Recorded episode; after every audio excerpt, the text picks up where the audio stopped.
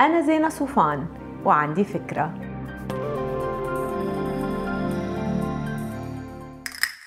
هاي كتير مرات حجة الناس لعدم الادخار هي إنه بعد ما يخلصوا مصاريف الشهر ما بيبقى لهم شي حرزان أو مستاهل يدخروا فبيقوموا بيصرفوا هالمبلغ الباقي والمش حرزان على أي شي يعني بالعربي بيضيعوه.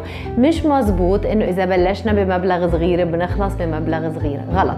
خاصة لما بنفهم كيف شي مثل الفايدة المركبة بيشتغل وبيأمن عمليا مبلغ محترم انطلاقا من إيداع بسيط بداية وأقساط شهرية ثابتة صغيرة لكن ممتدة على سنوات عديدة. فكرة الفايدة المركبة هي إنه لما نحط وديعة وتنزل عليها الفايدة بالوقت المحدد بتنضاف هاي الفايدة للمبلغ الأصلي وبتنحسب الفايدة التالية على المبلغ الجديد يلي بيساوي المبلغ الأصلي زائد الفايدة. بسموها بعالم الاقتصاد الفايدة السحرية لأنه نتائجها فعلا مبهرة.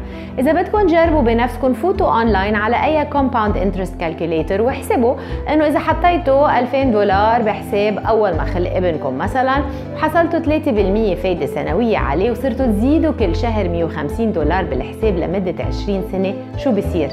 شفتوا على ميلاده العشرين قد إيه بتكونوا جمعتوا له؟ نعم أكثر من 50 ألف دولار ف please ما بقى تقولوا ما بيبقى معنا شي حرزان التخطيط المالي السليم بيخلي لكل قرش قيمة وبيعلمك كيف تعظم هاي القيمة ما تنسوا تعملوا download للفكرة تعطوها rating وتساعدوني بنشرها. bye.